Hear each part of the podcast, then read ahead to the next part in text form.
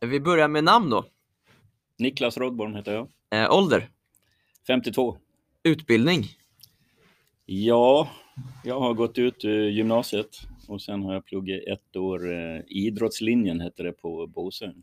okej. Vad lär man sig där? Ja, det är en bra fråga faktiskt. jag, jag hade tankar när, innan jag eh, hamnade i rullstol så, så hade jag tankar på att bli gymnastiklärare. Okej, Och eh, de tankarna fanns väl lite efter också, olyckan.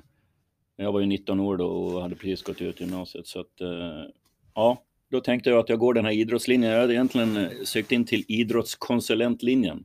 Mhm. Men, eh, och den var tvåårig på Båsön. Mm. Och eh, den var svårare att komma in på. Jag stod som fjärde reserv där. Och jag kom in på den, men då hade jag börjat. Jag tänkte så att jag tar den här idrottslinjen först ett år och sen går jag den andra. Ja, du tänkte ta båda Ja, och jag två tänkte ta så. både och där och då trodde jag att det, det blir lättare när jag gått den här. Och så, Ja. så kom jag in efter två veckor på idrottskonsulentlinjen, men då tackade jag faktiskt nej till den. För att då kände jag, då var jag inne i klassen, då var jag inne i det Ja. här och det kändes som ett bra upplägg. Sen när jag gått färdigt den här ettåriga, då fick jag jobb. Okej. ute. Ja, med rehabilitering för nyskadade som hade hamnat i rullstol Ja, genom idrott och så här. Så att det blev lite som idrottslärare för nyskadade kan man väl säga. just det. Men det blev ingen konsultlinje? Eller Nej, Det blev inte det. Nej. Inte- Konsulentlinje, just det. Just det. Eh, det här arbetsroll nu. Eh, Ja. Vad jobbar du med nu? Ja, jag har ju lite olika saker. Jag var ju förbundskapten för rullstolstennisen ända fram till nyår nu. Mm. Där har jag varit i sju år, sedan 2013. Och eh, jag sitter med i Stockholms rullstolstennisklubbs styrelse. Mm. Så där jobbar vi mycket med att eh, ordna nybörjarläger och breddläger och tävlingar och, och träning. Framförallt för Stockholmsspelarna i närheten av Stockholm, att de ska kunna få hyfsade tider att träna på i olika hallar. Mm. Vi är en eh, tennisklubb som inte har en egen hall. Okej, så ni är på massa olika ställen? Ja, för att vi tänkte så här att eh, det är svårt att få tider som alla vet efter klockan 16 i Stockholm på vardagar, det är omöjligt. Ja, det ja, Helger är också omöjligt, Ja. i princip. Ja. Men vi tänkte att vi kanske kan få en tid i veckan på en bra tid efter 16 eller på helgerna i Solna. Ja. En tid på den eh, tiden i Mälarhöjden till exempel. Och det har vi lyckats med i olika hallar så att spelarna ska kunna åka runt lite och få träna när de kan. Många Mm. går i skolan och jobbar och eh, spelar inte som proffs liksom. Så att, eh, Just det. Då, då ordnade vi så. Det var, en, det var huvudidén med det här då. Ja, utanför boxen, tänk. Ja, verkligen. Helt nytt och, och egentligen på ett sätt ett litet steg tillbaka att man, att man är en rullstolstennisklubb. Vi vill ju vara integrerade i vanliga klubbar. Ja, Men vi, det, var, det var nästan den enda lösningen på det. För att man ska kunna få bra och många tider per vecka liksom, för Ja. många spelare. Så just det har varit lyckat drag. Vi har kört sedan 2018 med den här klubben. Ja. Och eh, vi är ju ändå hyfsat integrerade i alla de här klubbarna. Ja. Och försöker ha en bra relation med Salk här till exempel som vi Mm. kör varje söndag. Med Mm. fyra olika grupper på söndagar. Okej, Så okej. att, eh, ja, jättebra. Så det är en, ett jobb också. Men huvudjobbet som jag har det är väl eh, kommentator på Eurosport. Just det, just det. Eh, som har blivit mer och mer genom åren för att vi har köpt in en hel del ATP-rättigheter. Och Mm. I början när jag började så hade vi bara tre Grand Slam, vi hade ju inte Wimbledon. Nu har vi haft alla fyra i många herrans år och eh, även jättemånga ATP-turneringar. Master 1000 i Miami som går just nu till Ja. exempel. Hur många veckor per år kommenterar du typ? Oj, det har jag aldrig funderat på. Nej, okej. Nej, du Eh, behöver inte göra det heller. Nej. Nej, men jag kan väl säga så här lite övergripande att Ja. eh, det brukar vara någon förturnering till eh, Australian Open Mm. i januari som jag får kommentera och sen kan det bli någon efter i februari och sen eh, ja, i mars kan det bli någon och sen kan det bli lite förturneringar i april Så det är till- regelbundet ändå hela till vägen? Ja, och det rullar på faktiskt nu. Eh, Det skulle ha varit ett, mitt eh, bästa år förra året. Men då slog ju pandemin till i mars där. Ja. Så då var det ju ingen tennis från mars till augusti. Nej, Men annars hade, vi ju, hade jag nog haft jättemycket jobb där den perioden. okej. Så Ja. att, eh, lite lugnare sen är det väl oktober, november, december. Men Ja. annars är, rullar det på ganska mycket faktiskt. Och du har nattpassen, har jag förstått. Ja, och det är många som säger att jag alltid eh, hörs på nätterna. Och vissa undrar, jobbar du inte längre på Eurosport?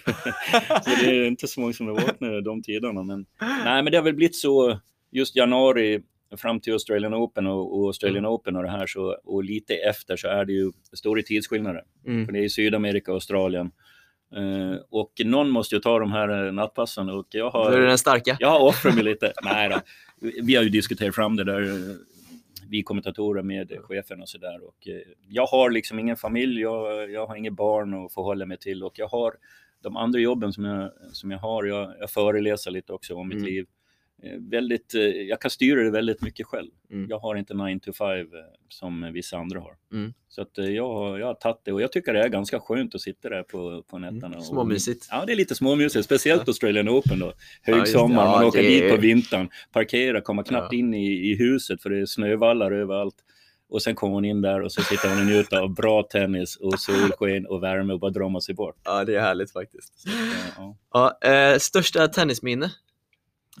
Eh, ja, det, det får man säga att det är några stycken.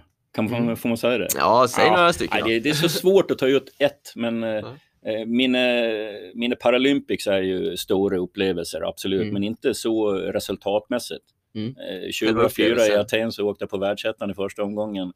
Ja, han vann ju hela turneringen och tappade ju inte set, så att eh, där hade jag ingen chans. Eh, men eh, det är ju ett jätteminne förstås. Ja. Och, och sen har jag faktiskt varit på ett Paralympics i rullstolsbasket också, 2008 i eh, Peking. Det var Och det är en coolt. enorm upplevelse. Det var ett fullsatt Globen på varje match. Min familj var där. Ja. Eh, mäktigt så in i Norden. Så de där två Paralympicsarna och även ett tredje har jag varit på faktiskt som förbundskapten i 2016 i Rio Ja, okej. med Stefan Olsson och Dan Wallin. Ja. Så att eh, Alla tre ja, häftiga. de där tre är höjdpunkter. Ja. Men resultatmässigt måste jag ta något också. Det är att vi har vunnit två eh, VM-guld för lag. Ja. Som är, ja, Stefan och jag och, och några andra killar Ja. har varit med där och gjort det. Och sen har jag vunnit några titlar faktiskt. Eh, Sydamerika har ju varit mitt ställe. Nej, det är så? Ja, Okej. det, jag hade ju mitt primetime år eh, 2002.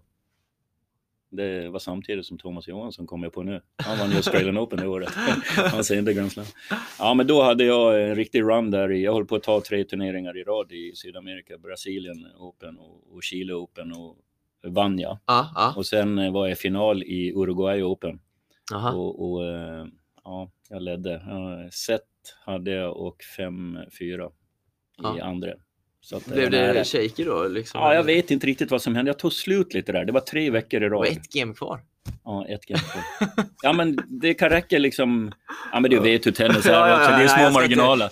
Jag, jag säger inte här. att jag var trött just det gamet, men där vet jag inte riktigt vad som hände. Men eh, tredje set, att man förlorar tredje set kan ju det- tyda lite på att man har spelat Mm. eh, så många matcher under två veckor fram till det och även den veckan. Vi spelar ju varje dag liksom.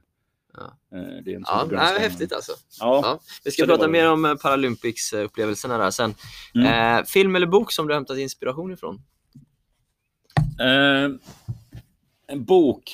Jag läser inte jättemycket böcker, det, måste jag väl erkänna. Men eh, Den fredlige krigarens själ.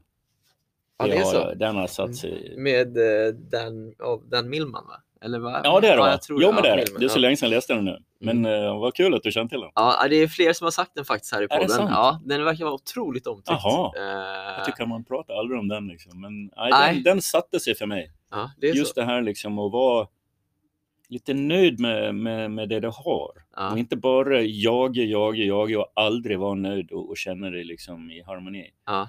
Eh, och att det inte handlar om utifrån grejer utan det är lite inom det.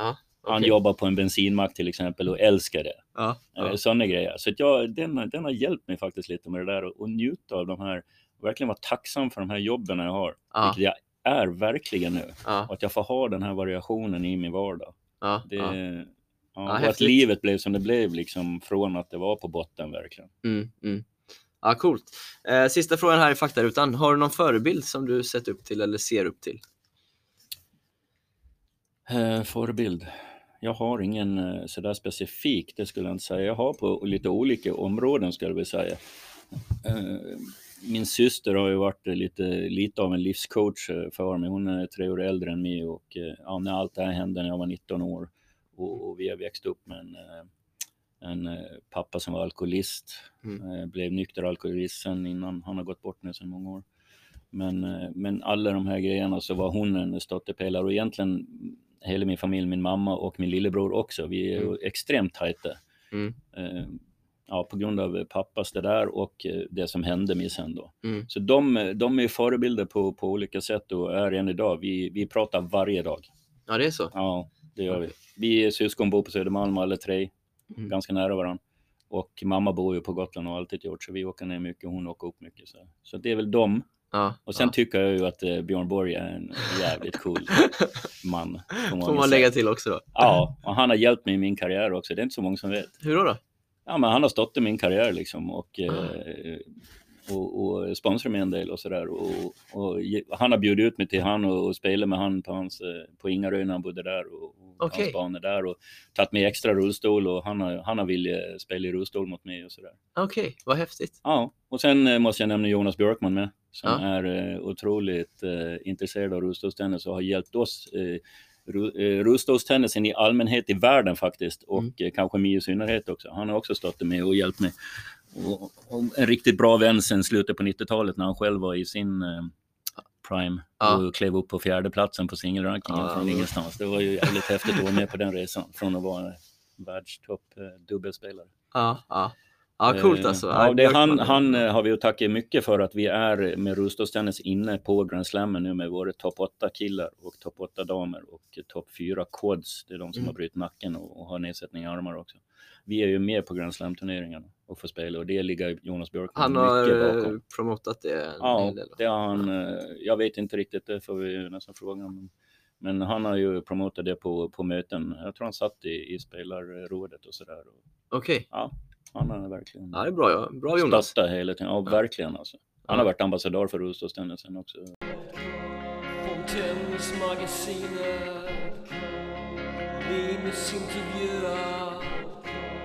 Nytt avsnitt och ny gäst Nu är det Fontännsmagasinet Precis som de senaste avsnitten så görs det här avsnittet i samarbete med Tennisshoppen.se som är en anrik tennisshop i hjärtat av Göteborg med allt du kan tänka dig inom tennis och lite till. En perfekt partner till en tennispodd som den här. Idag drivs Tennisshoppen.se av Magnus Gusten Gustafsson och av Björn Renqvist. Ni har möjligheten att utnyttja 15% rabatt på ett helt köp när ni anger Tennislinus i webbshopskassan. Så in och surfa runt på tennisshoppen.se och gör era klipp idag. Använd rabattkoden TennisLinus. Glöm inte den.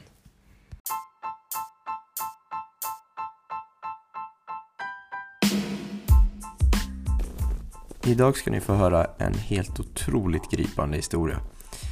Vi träffar Niklas Rådborn som berättar om, om sin resa som lovande ishockeyspelare men där två hemska händelser vid 19 års ålder kom att förändra hans liv. Varav den ena innebar att han blev förlamad i benen. Sedan dess har Niklas bland annat varit med i Paralympics i två olika sporter, varit världselva i både singel och dubbel i rullstolstennis, varit förbundskapten för rullstolslandslagen, deltagit i tv-programmen Mot alla odds och Vinnarskallar, föreläser samt kommenterar tennis på Eurosport och mycket annat. I dagens avsnitt pratar vi om vad som fick Niklas att ta beslutet att ge livet en chans, rullstolstennisens status i Sverige, hur det var och är att satsa på en internationell elitkarriär inom rullstolstennis, hur det är att kommentera tennis nattetid på Eurosport och hur fantastiskt livet är. En otroligt gripande berättelse som jag hoppas och tror att vi alla kan lära oss någonting utav. Vi välkomnar Niklas Rådborn.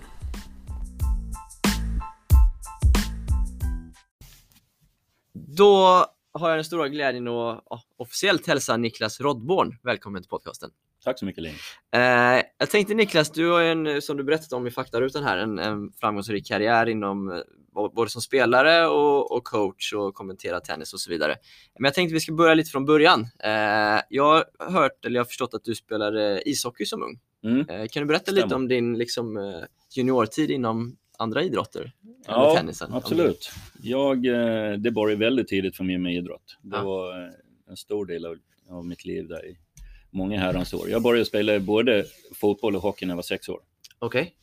Och det höll jag på med parallellt fram till jag var 15-årsåldern. Ja. Men då gick vi på is redan i juli månad. Och eh, det var ju mitt i fotbollssäsongen. Så det var svårt att kombinera de där idrotterna redan då som 15-åring faktiskt. Och, och, och hinna med och vara på träningarna och matcherna på både.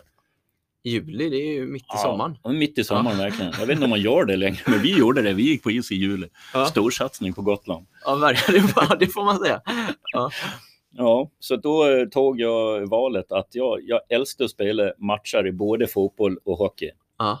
Men jag eh, tyckte inte om fotbollsträningarna och jag älskade hockeyträningarna. Ja. Och då insåg jag så här att vad gör man då när man håller på med en idrott? Ja, men du, du, du tränar kanske 70-80 procent och tävlar Ja. ja, 20-30 procent Just det. om du ens gör det. Det är Ja. övervägande, men en stor majoritet är ju träning. Ja. Så du måste ju tycka om att träna, annars kommer du aldrig att palla och satsa. Vad var det du inte tyckte var kul med? med Springa. liksom- Okej. Springa, springa, springa. Det var det man gjorde i fotbollen. Det var otroligt mycket konditionsträning och löpning. Mm, mm. Kommer man spela två mål eh, hela tiden på träningen så Ja. hade man ju, Ja. ja då hade det varit svårt val. Men det blev inget svårt val så jag valde hockeyn då. Men hockeyn är ju mycket fysik också. Tänker. jag. Ja Fast men absolut, löpning men vi åker kanske. nästan aldrig utan puck. Det kan vara någon minut så här som man åker runt, runt i Ja. slutet eller något sånt där. Men det är nästan alltid övningar med puck. Och så fort du slänger in en boll eller en puck eller vad det är, då kan jag hålla på i tio timmar.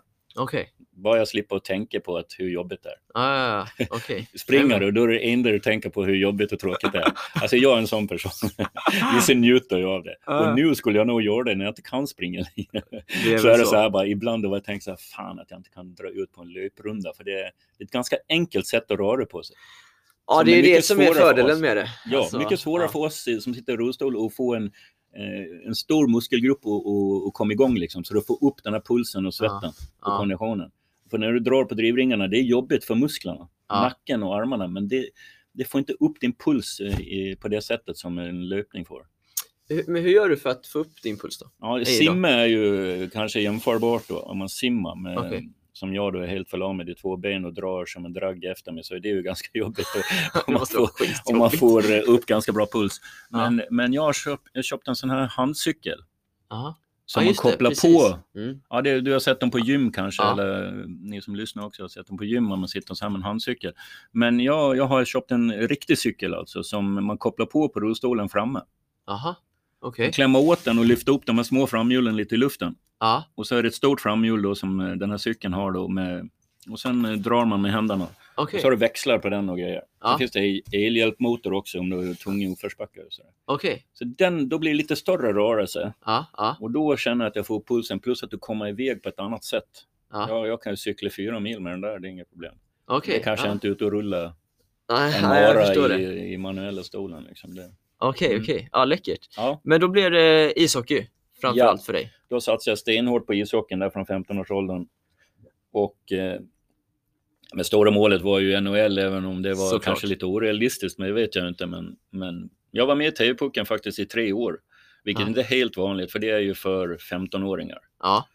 Och det är ju ganska stor skillnad på ett år i Ja, det är jätte... ja, hur man växer och hur, ja. Men hur bra man är. I, det händer så mycket på ett år i den åldern. Mm. Men jag kom med i TV-pucken när jag var 13 år.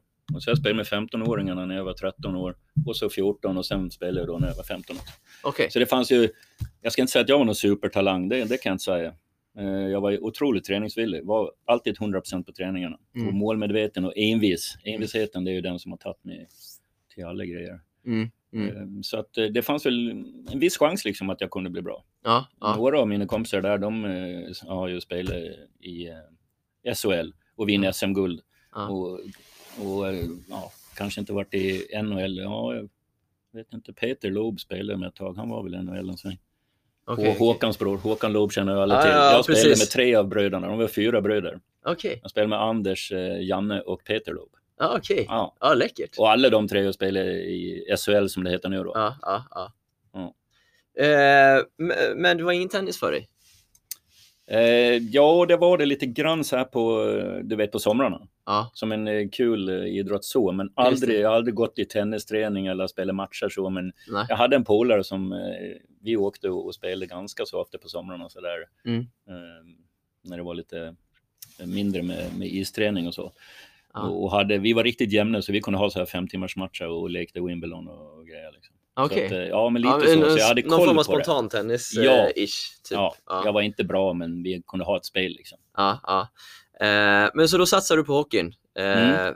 Ja, hela vägen fram tills eh, din eh, olycka då eller? Absolut, det Mm. var det. Så det, det fanns liksom, det var, det var meningen att det skulle bara gå uppåt. Och jag spelade i- i division, toppen på division 2 då och vi var, gick upp i ettan sen med det laget. Okej, Ja. Ehm, det. och sen, eh, ja men det var ju, ja men målet var ju som sagt att, att bli ännu bättre än så. Ja. Och, och jag ville ju iväg eh, från Gotland också och satsa på hockeyn. Okej, vad du vill- ville... Ja, men jag, jag ville, egentligen så var det ett tag som jag ville gå gymnasiet någon annanstans och Ja. eh, hockeygymnasium då.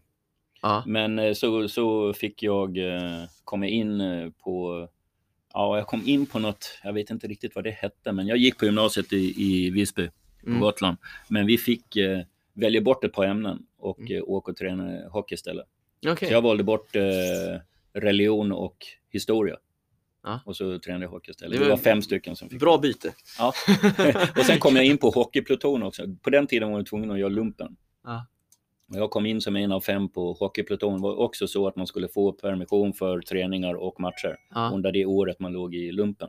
okej. Och det skulle jag alltså, jag gick ut gymnasiet i början på juni. Ja. Sen skulle jag in i lumpen i augusti. Ja. Och så hände den här olyckan i, på sommarlovet däremellan. Okej, okej, okej. Eh, för när du var 19 år då, så var det ju egentligen två saker som eh, inträffade, om jag förstått det rätt. Eh, Ja. Kan du, ja, vill du berätta lite om det? Ja, ja, det var så här att jag träffade en tjej när jag var 18 år. Och eh, hon var 16 och vi blev eh, dökära i varandra och hade det hur bra som helst. Och sen fyllde jag 19 och hon fyllde 17 och eh, ja, vi hann ju vara, vara tillsammans i drygt ett halvår. Och sen eh, skulle vi åka ut till min, eh, från hennes föräldrar i Visby. Vi bodde i villa ute på landet. Och vi skulle upp i gymnasiet. Hon eh, gick i ettan och jag gick i trean. Och eh, dagen efter, och vi skulle sova över hos mina föräldrar i alla fall. Så vi eh, tog min bil och sa hej då till dem, eh, hennes eh, mamma och hennes eh, sambo. Och åkte ut. Och eh, allting var som, precis som vanligt. Mm. Och eh, hon, vi kom in och mamma och familjen var uppe och Josefin som hon hette, mamma satte sig och eh, pratade i köket och, och skrattade och hade ja, precis som vanligt. Och jag sa att eh, det var ganska sent så jag sa att jag, jag går upp och, och lägger mig, du kan ju komma sen när du känner för det. Mm. Ja, jag visste, jag kommer snart. Jag gick upp och la mig, gjorde mig i ordning och la mig. Och eh, hon kom upp för trappen och efter en stund och tittade in om jag hade somnat och sa att "Nej, men somna inte innan jag kommer. Nej, jag ska inte göra det. Och så gick hon på toan där på övervåningen och sen eh, kom hon in i sovrummet och eh, allting var exakt som vanligt. Mm. Det fanns inte någonting att hon klagade på att hon mådde illa eller kände sig sjuk på något sätt. Ingenting. Och eh, ja, men vi ligger där och pussas och kramas och, och sen säger hon bara till mig så här, vänta lite Nicke. Helt plötsligt från ingenstans och jag fattar ingenting. Ja, vad, vad är det? Då svarade hon inte. Och jag frågade igen, vad är det? Vad är det som händer Josefin? Hon svarade inte. Då fattade jag direkt att, eh, att det var någonting som hände med henne. Och hon ändrade lite färg i ansiktet och jag skrek ner till eh, eh, de andra i familjen som var på nedervåningen att ni måste ringa ambulans. Det är någonting som händer med Josefin. Och eh, de ringde ambulans och den var där på ja, men tio minuter, en kvart var de där på. Och in i mitt sovrum och vi, jag och pappa var uppe vid henne och jag försökte göra mun mot mun metoden och eh, jag visste inte hur jag skulle göra. Det hände ingenting med henne. Helt livlös. Och eh, då när de kom så ut med oss från eh, sovrummet och stängde dörren och, och försökte återuppliva henne där inne. Sen kommer de ut, bär ner henne, åker in mot lasarettet och säger att vi får komma efter. Vi åker in efter och möter hennes eh, familj, hennes syster och hennes mamma och allihopen. Hade du ringt dem då eller? eller eh, Jag vet inte hur det där fungerar riktigt när jag var helt borta. Det här jag, har knappt minnesbilder av eh, hur Ja. allting gick till liksom. Jag tror att, jag tror att ambulanspersonalen Ja, just det. personal nog ringer anhöriga liksom. Mm. Hen, hennes familj måste ju de... Mm. Ja, jag vet inte hur det går till. Eh, Jag träffade dem där inne i alla fall och alla var ju helt ifrån sig. Vad är det som händer? Vi, vi fattar ju ingenting. Nej. Så vi besatte ett rum där på Visby lasarett och eh, efter en stund kommer läkaren eh, in och säger det att eh, tyvärr, det fanns ingenting att göra. Hon, eh, hon gick bort där och då. Ja, då, sen senare så, så har de förklarat det som eh, plötsligt hjärtstopp. Eh, lite som eh, plötslig spädbarnsdöd finns det någonting som heter. Mm. Fullt friska små spädbarn som eh, lägger ner och dör utan att man vet riktigt varför. Det händer även senare i livet för vissa personer, väldigt få i världen. Mm. Eh, lyckligtvis, men det händer ju. Och det Även. är ren otur? Eller? Ren, ren otur, man vet inte. Nej. För att hon, eh, hon gjorde en, de gjorde en obduktion på Gotland på henne. Hittade inget fel på henne. Alltså noll. Skickade iväg henne till eh, Stockholm här tror jag det var. Ja. Och gör en andra obduktion på henne. Hittade ingenting. Så det var verkligen ingenting som gick att ta på. Vad Okej. det var som hände. Utan det var hjärtat slut och slå bara. Ja. Så det var ju en otrolig chock där naturligtvis. Och hon var ju världens sprudlande, mest sprudlande och glada tjej liksom som ja, hur frisk som helst, spelade fotboll och ja, 17 år. Mm. Inget Mm. fel. Mm. Så det var ju en otrolig chock för både hennes eh, och min familj. Och Mm. hennes vänner och allihopen.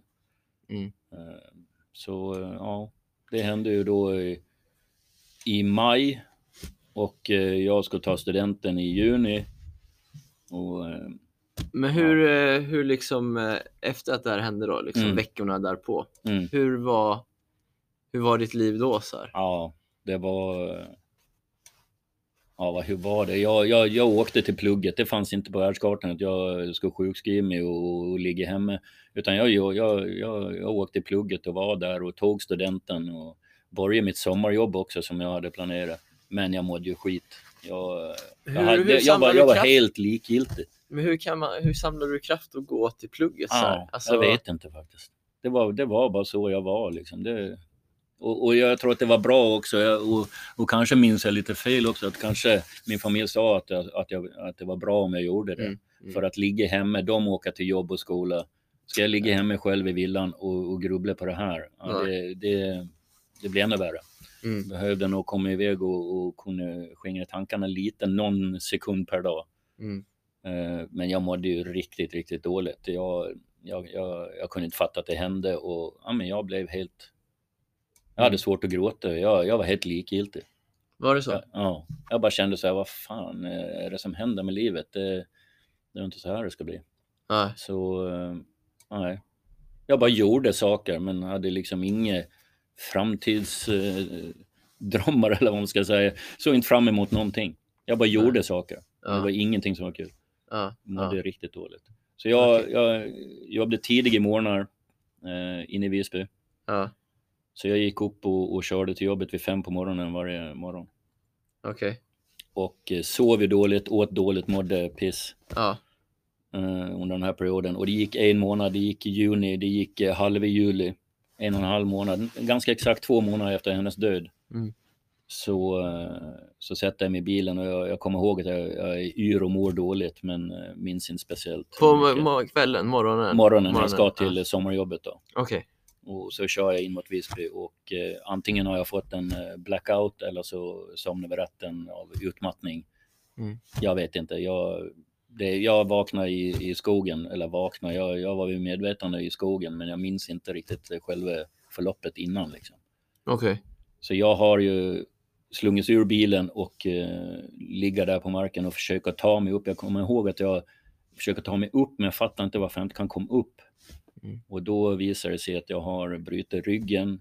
Eh, man har 18 revben. Jag hade brutit 9. Så det är Mm. halva bröstkorgen som har gått av. Mm. Och eh, när jag försöker ta mig upp där med bruten rygg, det är centrala nervsystemet innan, då svimmar jag av. Så att jag, jag svimde av till och från under en lång period det här också. Det var ingen som såg när olyckan hände. För du, du, du alltså fick någon blackout eller somnade Mm. och körde av vägen då? Ja, in i en telefonstolpe och vidare in i träd där det tog tvärstopp. Okej. Och sen så blev du liggandes i, Mm. i skogen då? Mm. Eh, Och det var ingen som såg det och bilen kom in i skogen en bit. Okej. Så att eh, den var inte precis vid vägkanten.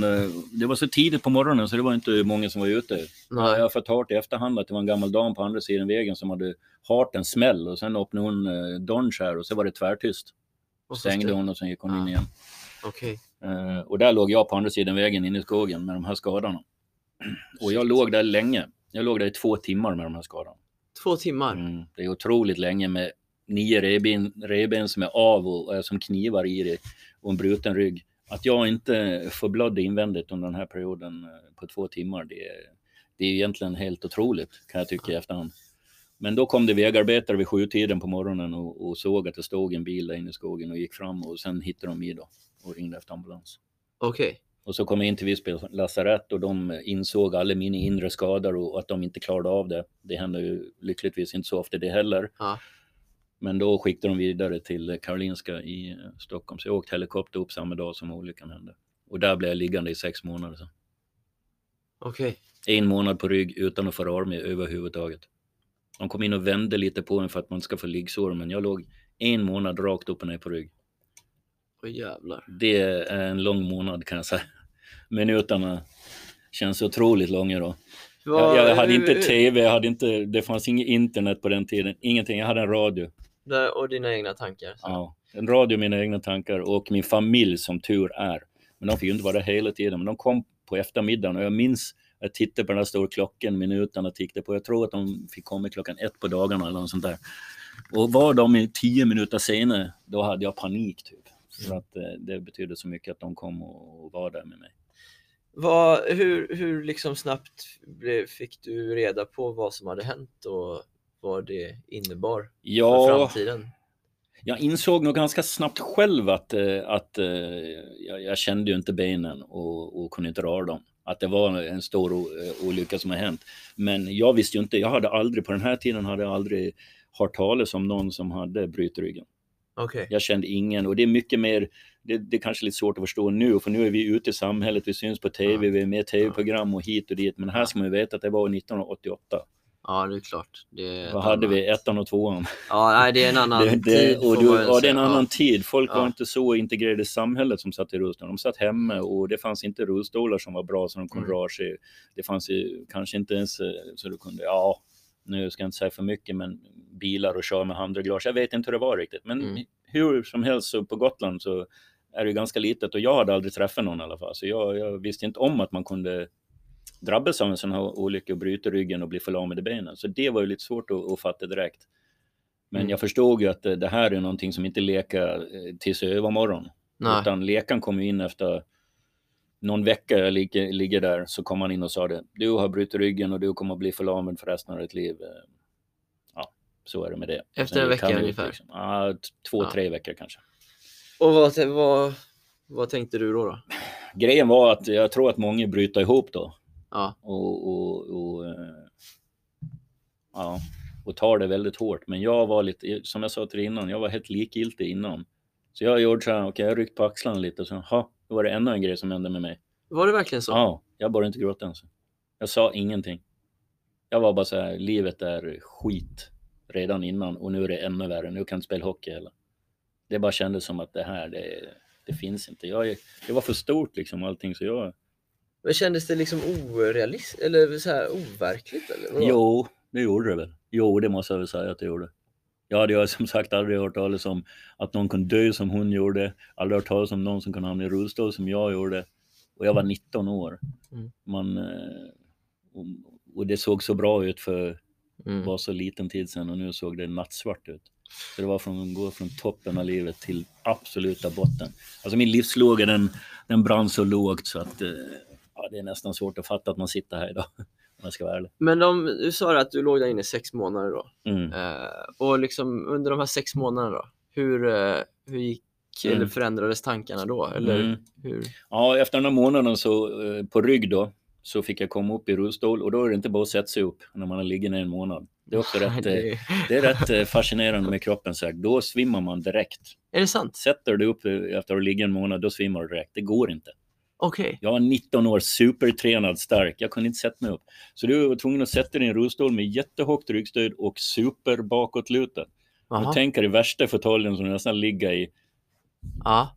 Så kunde jag sitta i två timmar per dag. Annars för att vänja kroppen? Ja, då? då måste du vänja kroppen. Så fick man lyfta upp det någon grad för varje dag. Så här. Aha, Till slut kan du sitta rakt upp utan Okej. att få det här blodtrycksfallet. Okej. Ja. Och eh, ja, jag kommer ihåg att det var efter ungefär tre månader och halv, halvvägs där då. Jag var ju sex månader. Jag var från mitt i sommaren i juli fram till juli, december var jag på Karolinska. Det är en ganska lång period också. Superlång Så efter tre månader där, kommer jag ihåg, ungefär tre månader, jag vet inte exakt, men då, då kände jag så här, jag gick ner på sjukgymnastiken, ner i kulvertarna på Karolinska och tränade två gånger om dagen. En gång på förmiddagen, en gång på eftermiddagen och lär mig allt ifrån Ja, som en förflyttning jag gjorde nu från rullstolen över till den här fåtöljen, det var helt omöjligt i början när du inte har något stöd av fötterna. Det känns som du ska tippa framåt, du har ingen bra bål, så att, eh, jag kan ju inte göra en sit-up till exempel. Så du har ingen balans liksom. Mm. Mm. Det är jätteläskigt att göra förflyttningar för du far åt alla håll. eh, Det känns, Okej. ja det är skitsvårt alltså. Ja, ja. Bara en sån grej. Sen ska du lära dig att klä på dig. Sen ska du lära dig att förflytta dig över till toaletten och, och in i en bil. Jag hade en sån här glidbreda som jag gled över med häcken när jag skulle göra en förflyttning i början. Så svårt var det. ja, ja, Eh, Så alla de här grejerna och sen träna upp sin styrka också. ja. När du ligger en månad på rygg så har du tappat enormt eh, med muskler för att redan efter 48 timmar om du inte rör en muskel så förtvinar den. Börjar den förtvina. Okej, och då låg du bra Ja, jag längre än låg så. bra länge och jag gjorde ingenting den här månaden. Ja. Även om jag kunde röra armarna så låg jag inte och tränade där. Nej. Jag var så paj i ryggen ja. att du kan, inte, du kan absolut inte ligga med några hantlar och köra. Ja. Alltså ryggen är bruten. Jag har 40 centimeter lång järnstag på varsin sida om ryggraden som ett gips för ryggraden. Eh, Sevinont i ryggen. ja, alltså så ja, mycket morfin jag gick på då, det var helt otroligt. Jag blev jätteberoende av morfin där. Ja, ja. hade värsta ab- abstinensen sen det skulle tas bort. Men då efter tre månader nere på sjukgymnastiken kommer jag ihåg att jag bara kände så här, men nu får du göra ett val här Niklas. Antingen så skiter du det här och lämnar det här jordelivet. Eller så kör du på och ser eh, vad, hur livet kan bli. Kanske kan de komma på hur, du, hur man eh, kan gå igen och få Mm. tillbaka allting. Eh, och under tiden kanske du kan bli helt oberoende. Och eh, då, då satsade jag på det. Då, då kände jag att jag tar en dag i taget och så ska jag bli så bra som möjligt i rullstol. Jag ska klara alla de här grejerna. Mm. Jag ska flytta hemifrån som vilken 20-åring som helst gör. Det ska jag också göra. Mm. Jag hade liksom klara mål direkt. Jag ska, jag ska klara mig helt själv. Jag ska inte ha några assistenter. Aldrig. Men så då väcktes det någon form av lite glöd då på något sätt? eller? Ja, lite. Men... Som en eh, utmaning typ? Ja, det blev, ja, men precis. Så, så kan jag känna att det blev någonting annat jag fick att tänka på. Ja, än hennes död och hur, vilken misär det var. Jag, jag fick eh, liksom, ja men exakt, lite mål och eh, mening med vad jag gjorde på Mm. dagarna. Mm. Och det var att bli oberoende. Och det tog mig då, eh, det tog ett år efter olyckan så flyttade jag hemifrån 20 år gammal. Och okej. klarade allting Ja. själv. Ja, Och det var också så här, då började det tändas, eh, som du säger, Ja. verkligen eh, någonting inom mig att, eh, att kan, jag, kan jag bo här, klara rullstolen, jag har skaffat bil med ja. handreglage, jag blev eh, i hockeyklubben, eh, fick jag jobb på kansliet, jag var med i laget lite grann, de byggde en ramp som jag kunde se över sargen och sitta där och Ja, jag började känna dag för dag, så här varje litet steg gjorde att jag började få lite tron på att ja, men kanske kan bli ett eh, okej liv ändå i rullstol och utan Josefin. Mm. Och, och, man, det man vet är att man har ett liv. Det är Mm. det. Va? När det ställs på sin spets så där, då, då, ehm, ja, men då hittar man nog liksom motivation någonstans att i alla fall ge det en chans. Mm. Så mm. kände jag. Mm. Och, och därifrån så har det egentligen bara gått uppåt för mig. Jag gick aldrig ner i någon riktig depression mer än där, den perioden, då var jag, mådde jag dåligt som jag sa. Ja, Men, men sen gick det uppåt och, och efter ett år, två år började jag må lite bättre. Sen var det lite så här svackar emellan liksom. ja. Men det får man ju även i, om det inte händer sådana grejer i sitt liv. Det är ju så livet är liksom. Så här, eh, liksom, när det var som tyngst där i början då, så här, var, var det någon gång liksom ett eh, riktigt alternativ att inte vilja leva mer?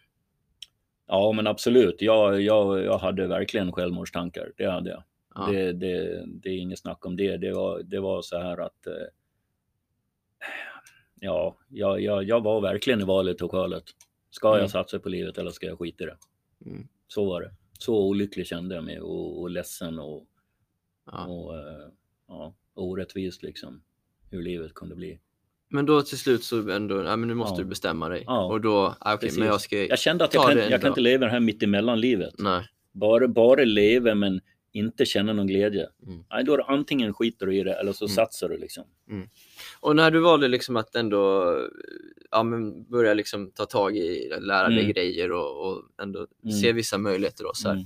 Eh, fanns Josefin fortfarande med liksom varje dag då ändå? Ja, absolut. Det, det gjorde hon ju. Men, men inte på mindre och mindre negativt sätt eh, Ja. med tankarna. Liksom, att, med, att jag kunde mer se, oftare och oftare se vad, vad otroligt härligt vi hade det. eh, Den lilla tid vi fick. Så du såg tillbaka med, med, med glädje då? Liksom, Ja, men mer och mer ja. för varje år, ja. Precis. Okej. Att, jag, att jag verkligen kunde känna så här, shit, jag fick verkligen eh, känna mig riktigt kär Ja. Mm. eh, och, och lycklig. Otroligt lycklig. Vissa personer går igenom ett helt liv och kanske aldrig får göra det. Mm. Vissa gör det två och tre gånger. Mm. Men, eh, men det, var, det var lite mer så. Men, men fortfarande var det ju väldigt sorgligt och det är det ju fortfarande idag. Jag kan ju ibland tänka så här, vad hade hänt om inte det här hade hänt? Då hade vi förmodligen haft familj och barn och, och hela den. Det har varit ett helt Ja. annat liv. Ja. Men jag, jag kan inte gå och tänka på det för mycket. Ja. För det är ju bara, ja det går inte att göra någonting åt utan jag måste ta det här livet som jag har nu och, och vara tacksam för det. Och det är jag. Jag är så otroligt tacksam att jag orkade gå igenom de där första Mm. ja, men åren om man säger det då, som Mm. var rätt tuffa. Mm. Mm. För att jag, jag, jag mådde ju jättebra efter några år och idag mår jag ju superbra. Så att, Mm. Mm. och älskar livet. Det Mm. finns ju inte en eh, tanke på något annat liksom, än att man ska bara leva vidare och, och njuta av livet. Så att, Mm. ja, jag, är, jag är glad att jag orkade, att jag hade den envisheten och eh, Var, var det något du Viljan. hade eller var det folk som liksom på något sätt övertalade dig till att, eh, eller förstår du vad jag menar? ja, ja, jag förstår vad du menar, men jag tror inte att eh, kompisar så här, de blir ju de blir tagna av det här och nästan rädda. Jag ska aldrig kunna tänka mig att de, kom igen Nicke, det är bara att leva vidare. Visst, vissa försökte peppa en sådär, men då, då Det finns inte så mycket man kan säga. Ja, men jag kan inte säga, det är inte många som säger så. Utan de fanns ju där för en. Alltså, jag är otroligt fina vänner. Det var ingen som försvann för att det hände där. Nej. Det vet man ju också, folk som eh, tappar sina vänner och sådär. Så att, eh, nej, men framförallt eh, familjen stötte och, och fanns där. Så att jag, jag, sa, hade jag varit helt själv med det här så hade det varit otroligt mycket tuffare och då vet jag inte om jag hade orkat. Det är ju också en spekulation som inte man får något svar på. Men jag vet, det jag vet är att min familj eh, betydde otroligt mycket under den här perioden och gör ju än idag, gjort hela livet. Så att de är jag tacksam för också. Eh, tiden efter olyckan då, så här. Eh, när, hur, hur länge, eller det kanske fortfarande är så, men hoppar, eller när accepterade du att liksom, jag kan inte gå igen? Eller Ja. är det liksom fortfarande en förhoppning att ja, men det ska jag nog Mm. kunna göra en vacker dag? Mm. Eller hur tänker du där? Ja, nej, det, det där var en bra fråga. För det där hängde med mig länge, hoppet. Eh, ja, men det gör det faktiskt ännu, lite grann. Men, men framför allt där så, så tänkte jag så att den här läkaren, han kan ju inte veta hur forskningen kommer att gå. Han säger att jag, du kommer aldrig mer kunna gå i ditt liv. Ja. Men hur ska han veta det? Han har ingen aning. Liksom. Jag är 19 år.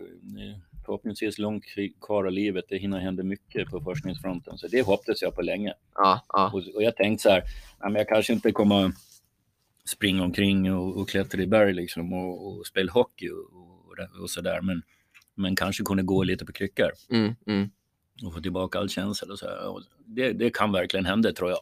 Mm. Så det, det håller uppe faktiskt också. Det Mm. måste jag säga. Sen ju längre det går och du känner att eh, fan, livet är inte speciellt mycket annorlunda mot vad det var innan. Mm. Spela rullstolstennis istället för hockey, det, det är det som är skillnaden. Men jag gör ju i princip allt och, och lite till som jag gjorde innan. ja, ja, ja, Mm. Det är vissa grejer man inte kan göra, absolut. Men då kan jag göra 70 procent vad du gjorde innan. ja, ja. Men, eh, men än idag så är, det nämnde jag inte förut i faktarutorna, men jag är ambassadör för någonting som heter Wings for Life och de samlar in pengar till forskning Okej. världen över. Det är en global organisation Ja, ja, som samlar in pengar och delar ut till forskare som är på gång inom det här området. okej. För att ofta är det så här att det är så svårlöst det här problemet med att laga ryggmärgen att eh, det finns inte pengar. De Okej. forskar och sen kommer de inte fram till slut så får de lägga ner. Men Ja. det här stöttar liksom så de kan fortsätta när de är på gång och närmar sig. Och de har ju faktiskt fått råttor att gå efter att de har brutit ryggen och slitit av ryggmärgen. Okej. Så har de ju kopplat ihop dem och de kan gå igen. Och de har väldigt likt eh, människans uppbyggnad på ryggmärgen. Så det är ju rätt häftigt att eh, det finns en möjlighet. Det är inte kört. Sen vet man ju inte liksom när det kommer att ske. Nej. Men eh, jag tror ju att eh, det kan ske in, inom min livstid, att det händer någonting. Ja, Sen ja. hur mycket och, hur, och vad, hur det händer med mig som har suttit så länge och sådär. Men jag tror att i framtiden kommer inte folk sitta i rullstol. så. Okej. Det tror jag inte. Ja. Det är mycket färre redan nu som sitter och är kompletta skador som det heter, att man är helt förlamad. För Ja. de vet mycket mer vad de ska göra i initialskedet när- ambulansförarna kommer ut i skogen och hittar till exempel en. Ah, Eller om man har dykt i, i vatten. Alltså det är det man gör direkt som Ja, det gör man direkt. roll. Det finns vissa grejer som kan eh, rädda nerverna eh, som de gör. Liksom. Så att många är mer inkompletta och kan gå lite grann. Kanske använda rullstolen men har lite rörlighet och känsel kvar i benen och så här. Ja. Vilket underlättar enormt i din vardag. Du kan ställa dig upp och sträcka dig efter saker.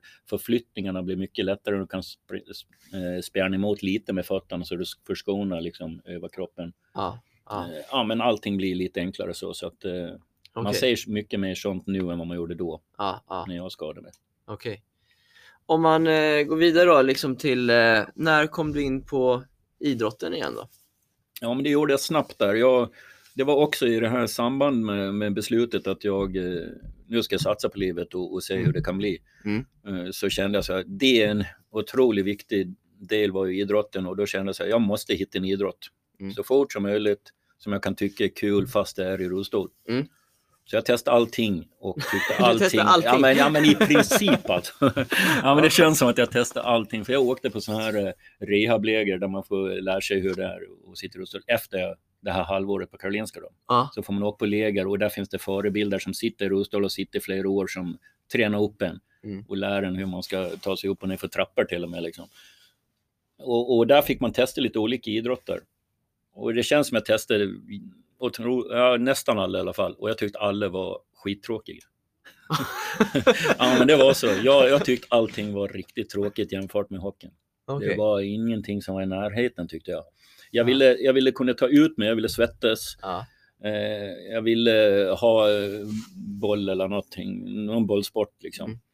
Mm. Eh, ja, det fick inte vara för stillasittande och det var, det var som att antingen var det för stillasittande eller så var det eh, ut och rulla. Jag köpte en, eh, 1989 köpte jag en friidrottsstol för 11 000 som jag låg hemma på gotländska vägarna och pumpade och jag bara, äh, men vad är det här jag håller på med? Det är det tråkigaste jag varit med om. Eh, nej, så jag, jag hade jättesvårt att hitta eh, rätt idrott. Till slut eh, så gjorde jag det då. Jag testade rullstolstennisen och den har precis kommit till Sverige då. De hade spelat i USA och US Open sedan 1978, men 1989 då som jag eh, testade det första gången, då, då hade precis kommit till Sverige. Ja, det var det. Ja, 89, ja. då, då slog jag första bollen med bruten, uh, nybruten rygg och, och korsett och, och satt helt upprätt och fick knappt öva en boll över nät och kom knappt röra mig. Men jag kände direkt att det här, ja det jag tyckte så. att tennisen var lite kul sådär på sommaren, som jag sa innan. Mm. Och det här var ju någonting, du rör dig, det är tufft och det, det känns skitkul. Och är Mm. det kul nu när jag är så här dålig, tänkte jag, Ja, det blir skitkul. då kommer det bli jävligt kul sen när jag blir lite bättre. Ja, ja, ja, okej, okej. Och jag är så glad att jag valde den idrotten, för det är en otroligt bra eh, paraidrott som man säger. Man säger inte Ja. handikappidrott längre. Vad är det som gör den så bra? Ja, men det, är, alltså det är så bra tävlingar runt om i hela världen. Okej. Att du får det här, om du nu lyckas och, och skaffa lite sponsorer och jag, jag, jag har tagit allt jag ägt och haft och kunde eh, spela på touren. Jag spelade som semiproffs under 90-talet och sen blev jag heltidsproffs år 2000 till Mm. 2013. Då åkte jag två gånger i månaden utomlands och jättefint arrangerade tävlingar via prispengar. Ja. Men det, är, det känns som på riktigt liksom. Okej. Och det är, fem, det är upp mot 20 000 eh, eh, rullstolstennisspelare i världen. Ja. en stor idrott. 15 000 tror jag är i min klass, i herrklassen, där, Mm. där man är okej okay över kroppen, men det spelar ingen roll vad man har för nedsättning i underkroppen. Det kan vara en enbensamputation, dubbelamputation, en förlamad. Mm. Spelar ingen roll vad du har i underkroppen. Alla måste sitta i rullstol Okej. men, eh, och du ska vara okej över kroppen och spela i samma klass. Och där är kanske 15 000 i världen i samma klass. Det är en otrolig konkurrens. Ja, ja, Om ja. vi ska prata om Stefan Olsson sen som då ja, ligger, ja, man har varit uppe på andra plats på världsrankingen, då fattar ni. Bland Ja. 15 000 pers, han ligger väl nia nu kanske eller något sånt där. Han Ja, har ju ligger topp 10 i många, många år. ja, Det är otrolig konkurrens alltså. Men eh, ja, Men om vi först går med liksom när du tyckte tennis var kul då Mm. och din resa till att bli liksom riktigt, riktigt bra. Eh, tog du liksom lektion, privatlektioner i början eller Ja. var det, fanns det liksom grupp grupper man gick med eller hur gick det till? Nej, så här? precis. Det försöker vi ju göra nu, att man ska gå med i vanliga grupper med, Ja. med rullstol. Det funkar ju jättebra faktiskt. Men det, på den tiden var det ju inte, fanns det inte. Okej. Och Visby tennisklubb jag spelade i, det var ett tält. Ja. Nu är det en fin hall där. Ja, men, ja, det- men då var det tält och där tränade jag. Stod med bollmaskinen, är ett jävla liv från bollmaskinen och från tältet där det blåser upp. Men du måste ju fått eh, hjälp från någon? Nej, eller, jag, jag, eller var, jag, var, nej, jag lärde mig själv alltså. Och det, och det då tog, fanns ju inte jag lärde mig lite heller. fel teknik och så här, men, men jag spelade med gamla hockeykompisar och jag hade inte råd att ha någon tränare.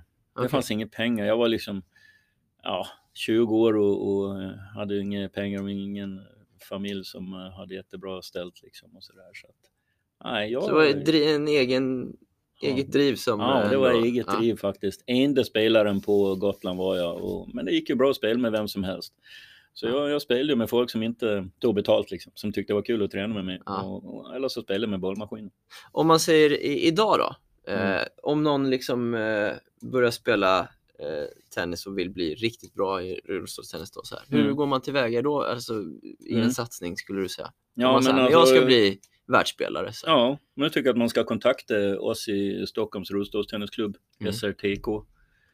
Eh, man kan ju leta upp mig på, på sociala medier, på Mm. Instagram och Facebook. Eh, Niklas Rodborn, det finns bara jag som heter det ja, okej. i Sverige. ja, Så det är lätt att hitta mig. Niklas med bara sig och Rodborn med H i mitten. Ja, snyggt. Eh, Jag så det är bara att kontakta mig där och jag, jag brukar hitta meddelandena där. Och, eh, och sen eh, kan vi hjälpa till med och, och kanske man kan få låna en tennisrullstol. De ser ju helt annorlunda ut än, va- än den man sitter i vardagen. Just det. Det är snedställda hjul som gör att det svänger lättare och sen ska man inte kunna tippa runt och sådär.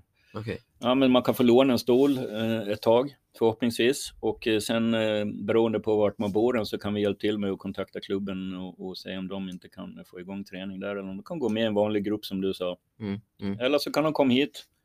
Och bor du i Haninge till exempel, men du kanske kan åka hit på söndagar till Salk och köra i en eh, nybörjargrupp här. Mm, mm. Vi har fyra olika grupper.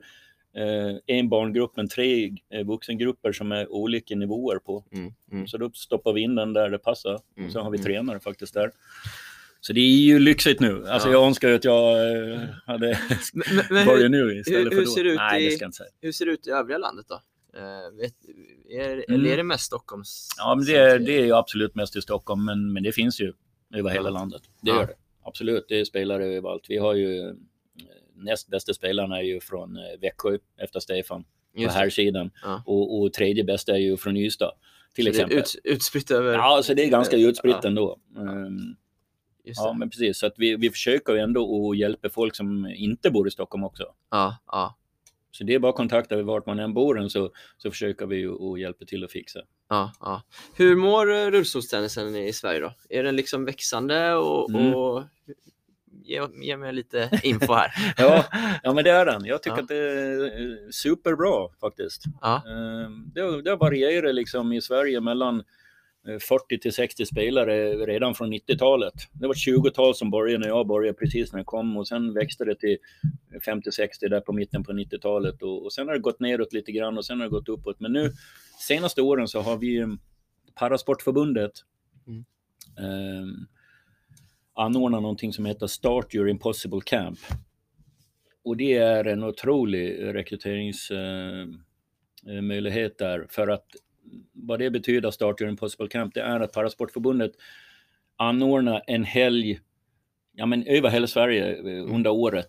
Ett vanligt år, nu har det varit pandemi då, men ett vanligt år så, så kan vi vara i Luleå en gång om året, en gång om året i Jönköping, en gång i Göteborg, en gång i Stockholm och en gång söderut någonstans. Mm. Och då kan man få komma, faktiskt vart du än bor i Sverige, men det är ju egentligen menat att man ska komma till folk som bor i närheten då, så de kan åka dit och få testa kanske 10-15 olika paraidrotter. Mm. Okej. Det kan vara bågskytte, det kan vara eh, handcykling, det kan vara tennis, det, det kan vara badminton, det kan vara vad som helst. Mm. Och då åker vi dit och är med och håller i tennisen där. Jag har varit med på massor av de här.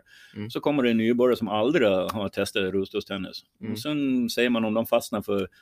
De ska ju liksom fastna för en idrott är meningen då. Och Mm. se vad de passar i för idrott. Mm. Och, och, och så tar man deras uppgifter och eh, försöker att hålla kvar dem i idrotten om de vill det. Ja. Och hjälpa dem så mycket vi kan då. Okej. Och där har vi läckert. fått massor med spelare. Så vi har ju vi har ju mer tjejer än vi någonsin har haft. Det har Okej. vi nu. Vi har haft Ja. en och två sen jag började. Och nu har vi kanske, ja men det är säkert tio tjejer som håller på nu. Ja. Så det är Vi- jättekul. vi- vilka är st- de största utmaningarna då, skulle du säga, för, eh, för sporten idag i Sverige? Ja, de stora utmaningarna är ju alltid, eh, det är pengar. Ja. Det, det är det ständiga problemet. En tennisstol som ett exempel kostar ju mellan 40 och 50 000. 40 till 50? Ja, och det är ingenting man får från staten utan det måste du betala själv. Eh, alternativt söker fonder då att man kan få delar betalt. Man, det är ingen som får hela stolen betalt. Det är väldigt ovanligt. Kanske barn som kan få det, men nej.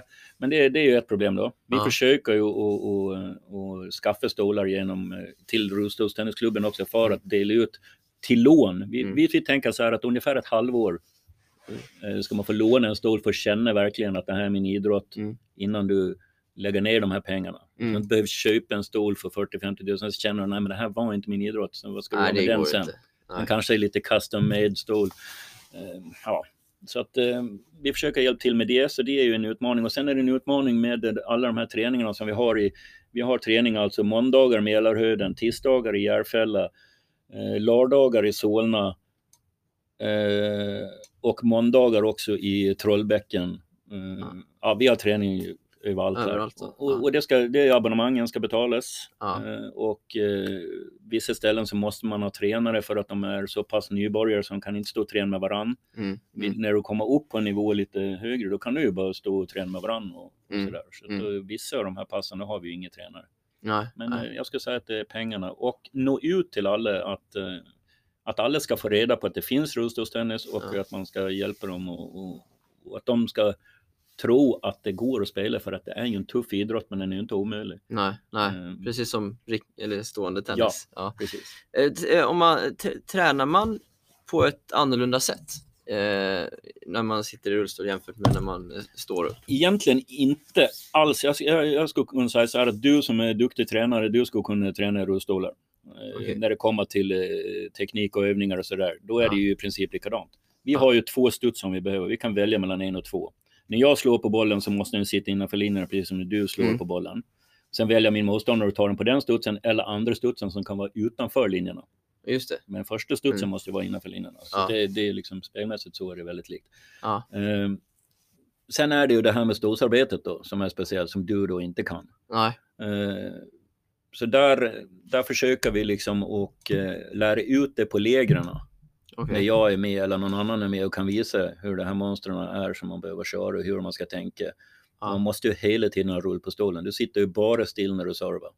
Det är precis Okej. som vanlig tennis. Du, med. du måste ju röra dig Ja. hela tiden. Du kan aldrig stå still i mitten. Nej, nej. Eh, Då hinner du inte ut i hörnen. Det ska vara rull hela tiden utan att hamna in i banan. För vi kör ju med samma storlek på plan, samma höjd Ja. på nätet. Ja. Och hamnar du in i banan och du kan inte hoppa i rullstol och du är kort, det är klart att det är lätt att lobba och passera. Va? Man liksom eh, ja, går aldrig fram på nät. Ja, men det gör man när man kommer upp på en hög nivå så har, man ju, har du en bra attack så går du fram på nät. Då Okej. vet du att det kommer att bli problem på andra sidan. Ja. Så kan du ju få en lätt smash eller volley. Okej, Men du måste ju ha en bra attack, en riktigt bra attack. Men det är lite likt vanlig tennis. Det måste Ja. du ha där också. okej, Så bra rull framåt, men hela tiden kommer liksom i en zon bakom baslinjen i mitten. Och Ja. kunna svänga utåt. Så det är jobb med, med, med ryggen åt nätet tillbaka Ja, och titta sett. över axeln och sen framåt. just det. Så kör man olika monster sådär. Och det försöker vi lära ut på lägren så de kan ta med sig det hem till sin klubb. Ja. Och sen om de kör med en vanlig tränare där så kan de antingen berätta för tränaren att det här måste jag tänka på och vi går Ja. igenom det här. Eller så kom ihåg själv då Mm. och träna på de här grejerna. Och sen ska vi göra en video också och så att eh, det ligger på nätet så att de kan, tränare kan gå in och, och titta på det här Okej. och, och spela det. Är det ungefär samma liksom, eh, taktiska liksom, eh, tankesätt och spelmönster som i eh, stående tennis? Eller? Ja, men det är ganska likt tycker jag. Mm. Jag tycker det faktiskt. Jag, jag, jag, jag tycker inte att det är någon större skillnad så. Mm. Eh, Det är ju som vanlig tennis där. Det är ju beroende på vil- vilken motståndare du har. ja, styrkesvagheter. och vilka svagheter Ja. och, och styrkor. Ja. Är en, ja, precis. Hur, eh, liksom, eh, hur stark måste man vara i armarna då? Eller är det det Eh, det sitter i? Alltså, Ja. Alltså det är så mycket teknik tycker jag ändå. Eh, Så man behöver inte vara superstark i armarna. Det är också lite likt vanligt tennis. Du säger ju tioåringar som inte är starka, man kan slå stenhårt. Ja. Men jag tänker liksom med alltså, att rull, rull, alltså, Ja. det känns ju spontant som att det Ja, men det är klart där att det är det fysiskt rätt jobbigt ändå. Ja, ja, men det är det ju. Så det krä- krävs en viss styrka, absolut. Men det är Ja. ju likadant som ni som står upp. Ni måste ha en viss styrka i benen, annars kan ni inte spela tennis. Va? Och det måste Nej. vi ha i armarna istället då. Så att, eh, ja, det, det är klart att man måste träna lite fys utanför tennisen. Och, Ja. handcykla och gå på gym och, och simma eller vad man nu gör. Liksom. Så att, Mm. Absolut. Mm. Eh, och framförallt uthållighet också, att man orkar en hel turnering. Ja. Det, du ska inte bara orka en match och vi, du spelar varje dag, du ska spela bättre och bättre. Du möter ju svårare och svårare motstånd. Ja. Så du ska inte vara slut när du kommer fram till finalen. Nej, exakt. Eh, så det gäller att ha kondition i musklerna. Det är mycket intervall i tennis, men det är också att ha kondition och orka dag ut och dag in. eh. Ja, ja, ja verkligen. Och Din egen eh, spelarkarriär då? Du, berätta lite om eh, din Paralympics-upplevelsen inom tennis till att börja med. Ja, ja men eh, jag satsade på Paralympics eh, länge och väl. Eh, Som jag sa började jag 89 eh, och eh, 90 började jag tävla utomlands redan. Jag har åkt på US Open i Kalifornien redan 1990. Eh, Men Ett år efter att du började... Ja, Ja, okej. men eh, det var liksom, Då gick det snabbt. jo det gick ganska snabbt. Vi var ungefär 20 som började och jag hamnade ganska tidigt bland de fyra bästa av de här 20. Mm. Eh, och då, då var det lite som landslaget. Mm. Det fanns väl inget ordentligt på den tiden, men eh, ja. Och sen kom man spela i, vi har inte kval i våra turneringar utan vi har olika klasser istället beroende på eh, hur bra du är Okej. och hur högt du ligger på världsrankingen. Men vi säger att du ska spela i US Open och det är, vi säger att då var det en 64-lottning. Ja. Då är det de 64 bäst rankade som kommer in i, i Open-klassen som det hette då. Ja. Och, och resten får spela i A-klassen. Som Okej. är under där. Och så Jag kan du förstår. få lite poäng där på världsrankingen också. Så kanske nästa gång har du klättrat upp tillräckligt på ranking Mm. för att komma in i, i huvudlottningen Okej. i, i Open. Så så var det. Så att det gick ju att åka dit och, och spela eh, orankad faktiskt. Aha. Mm. Okej, läckert. Ja, Men, men var det liksom, eh, var det direkt för dig Paralympics som blev det stora målet? Eller? Absolut. Ja. Det, det är det ju för, eh, för eh, rullstolstennisspelare är det ju absolut det största vi kan uppleva. Okej. Liksom. Det är ju Grand Slam-turneringarna nu mer också för topp 8 och, och Masters är ju prestigefyllt men Paralympics, det går inte att jämföra med den mediebevakningen och publiken.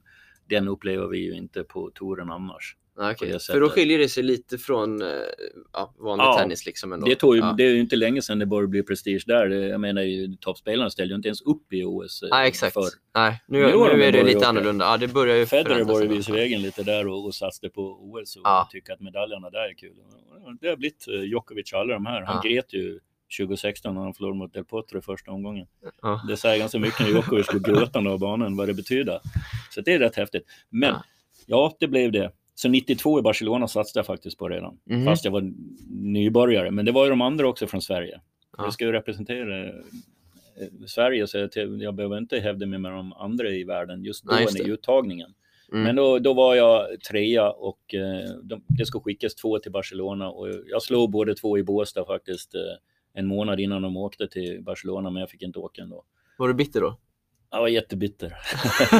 Nej, det var jag inte. Jag kände mig faktiskt eh, eh, så färsk då. Så Okej, det, då, det då okej. kändes det nästan som, nej jag ska inte med. Nej, det är för förstår. tidigt för mig. Okej. Eh, Men det hade varit kul, Ja. absolut. Jag hade åkt om jag hade fått biljetten. Ja. Men sen gick det då fyra år till till 96 och då var jag 20 i världen faktiskt. Mhm.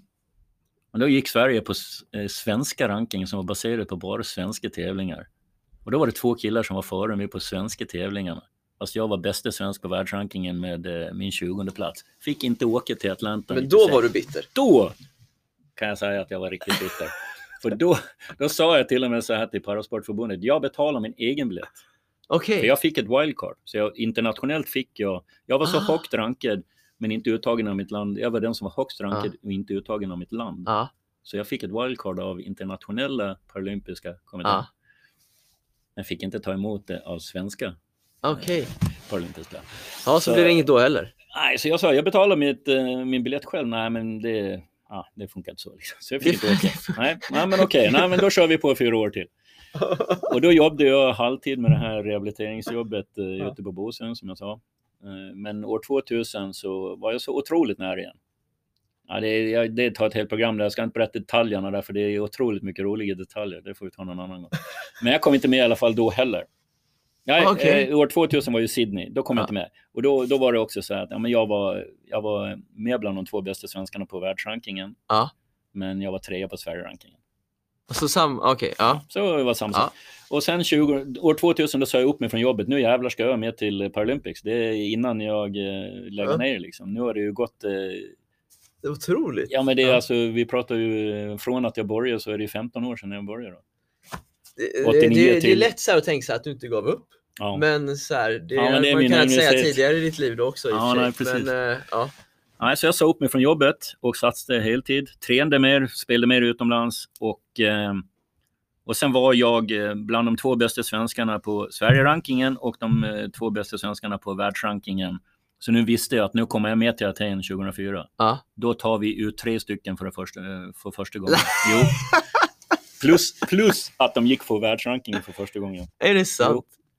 Och det blev ju negativt för mig med tre stycken också, för att annars så vet man att man åka och spela singel och så får spela de två svenskarna dubbel. Ja, Nu blir det ju ett val vem som ska spela dubbel eftersom vi var tre. okej. Så jag åker dit och sitter på lottningen så här. Världsettan, det är en 64-lottning. Världsettan eh, högst upp och eh, världstvåan längst ner. Och sen var det 16 sidor, så de andra 14 utspridda i mitten. Och jag tänkte så här, jag slår 70 procent av det här startfältet utan Mm. att förta mig. Det Mm. vet jag att jag gör. För jag var bra då. Ja, Jag, jag var ju 11 i världen ja. eh, 2002 och det här var 2004, så jag var ju bra. Liksom. Och jag tänkte, dra inte mitt namn först ur hatten och inte Ja. sist så är jag nöjd. ja. Så jag slipper världsettan och världstvåan. Liksom. Och tror du inte att de drar mitt namn först av alla, så jag möter världsettan. Pang bom ur turneringen. Och förbundskaptenen tar ut de andra två i dubbel, så jag får inte spela dubbel. Då har jag hållit på i 15 år och kommit till ja, det är otroligt. Så var min upplevelse. Så det var tufft. Men kunde du någonstans känna att det var lite kul att möta världsettan ändå? Ja, absolut. Och hela upplevelsen Ja. som helhet. Det var enormt kul att vara där och, och uppleva det här ändå. Ja. Så det, det var det ju. Var det som en, ändå en dröm? Som... Ja, På sätt och det, ja, det måste jag säga. Ja. Absolut. Ja. Kronprinsessan Victoria satt där och, och Carl då kom och snackade med oss och min familj var där. Och, ja, men det var mycket folk och det var uppståndelse och det visades det bästa från varje eh, kväll här på tv på prime time så att Ja. eh, många tittade på allt som hände där. Och, ja, men det var kul. Jätteroligt. Ni har väl inte missat att använda det fina erbjudandet på 15% rabatt på ett helt köp på tennisshoppen.se om ni anger rabattkoden TennisLinus.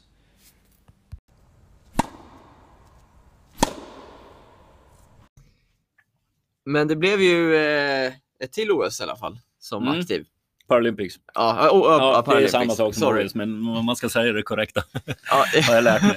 ja, Jag är eh, inte så politiskt Paralympics. korrekt eh, när det kommer till de här jag- uttrycken ska- själv, men, men man vill ju promota det bästa, det Ja. som det heter. Jo, det blev ett till. Det var så här att efter Aten där 2004 så ringde en basket, eh, Roslags basketcoach eh, till mig och sa så här, du har inte lust att börja spela Roslags basket? Nej, jag satsar på tennis heltid så att eh, nej, det, det är väl inte direkt. Men kan du inte komma och, och träna lite där när du kan och sådär och, och känna efter liksom. Ja, men så tänkte jag så här, det, det kan vara rätt rolig sidofys till eh, tennisen. Men varför fick du frågan? Eller? Ja, men han kände mig lite grann och visste, han hade varit med sen jag skadade mig som rehabinstruktör, den här killen som var coach i laget och visste Okej. att jag hade bollkänsla och, Ja. och de saknar folk liksom. Det, var, ja, Okej. det behövdes folk. Ja. Så jag åkte dit och sa det till grabbarna direkt så här att jag kommer att åka två gånger i månaden utomlands. Jag kanske är borta varannan vecka. Ja. År ut och år in. Så att ni får inte bli sura att jag inte kommer på träningarna. Nej. Det kommer vara så här att jag kommer när jag är i Sverige. Jag kan lova att jag kommer på träningarna när jag är i Sverige, men Ja. ja. något annat kan jag inte lova. Nej. Men det blir skitbra, sa de. Välkommen. och så började jag köra igång där 2005 då. Ja. Och det gick ju lätt för mig för att gammal lagidrottare, du vet taktik, eh, split vision, passningar, bollkänsla.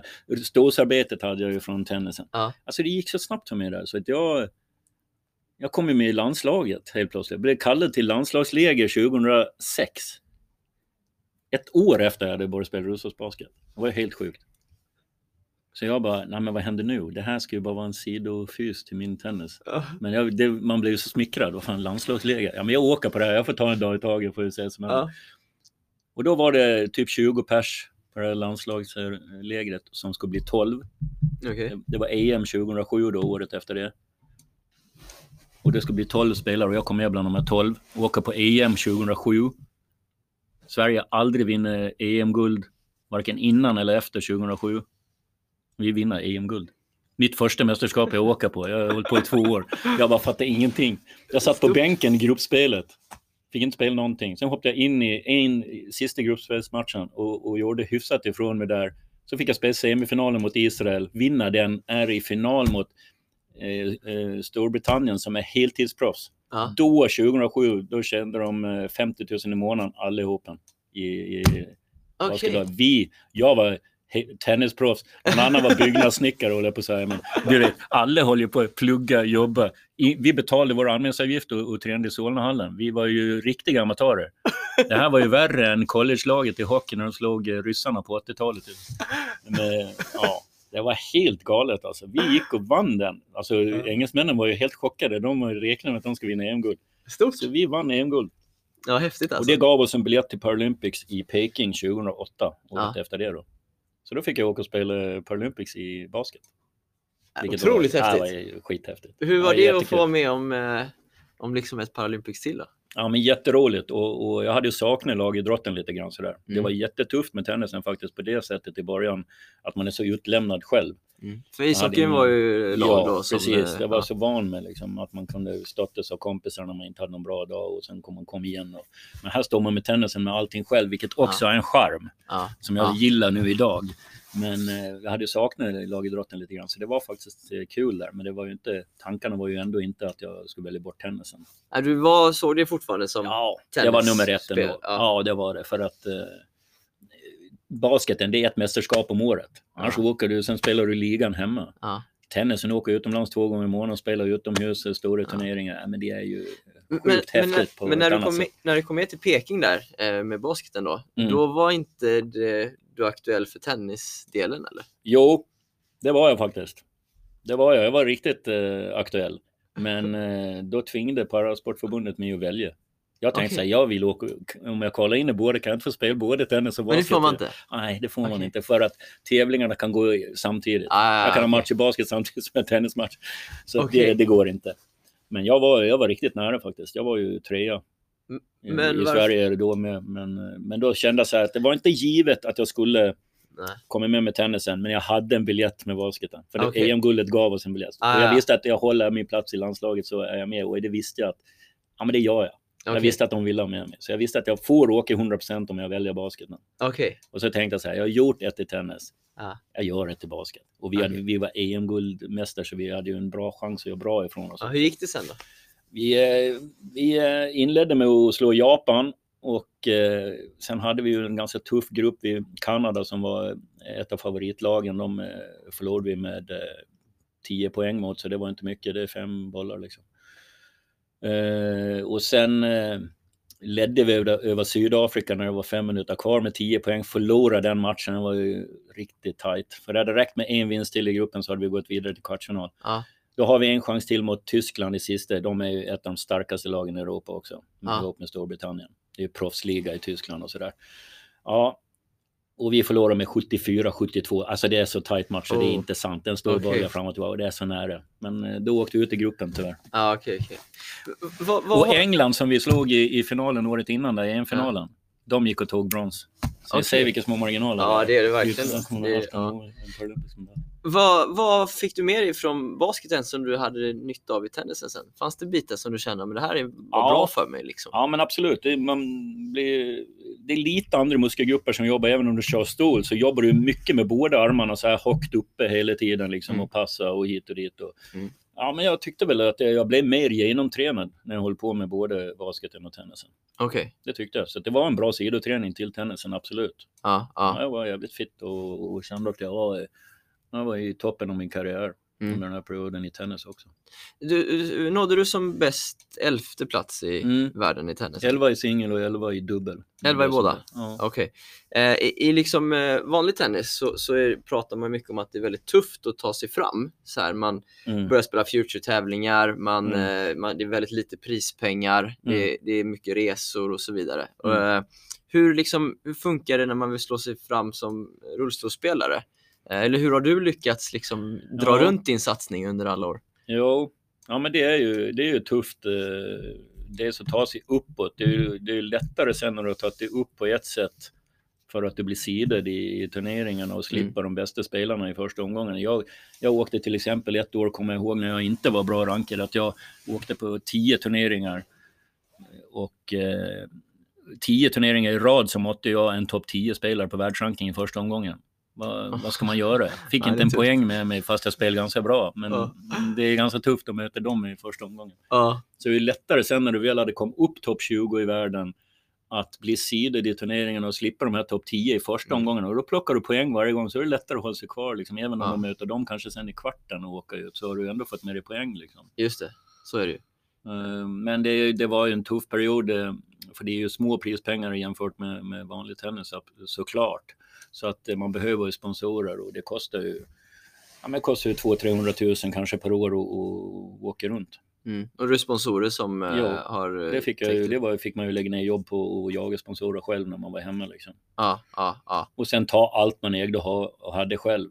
Ja. Jag, levde ju väldigt snålt på alla fronter för att kunna åka på touren. Liksom. Och när man är liksom i, i toppen då? När, vi säger Mm. att när du var som bäst liksom. Mm. Hur är prispengarna och så då? då? Ja, alltså på den tiden så kanske en, en medelstor turnering var 3000 dollar i första pris. Okej. okej. Och, och då stod väl dollarn i 10 där ett tag. Ja. Om det är 30 000 då. Men säg 20-30 000 till vinnaren i en medelstor turnering. Sen har det ju ökat ganska mycket. Eh, De som vinner Wimbledon nu i rullstolsklassen, de vinner ju en eh, 400 000 kronor. Ja. ja, då är det, Det är bra, pengar. Ja.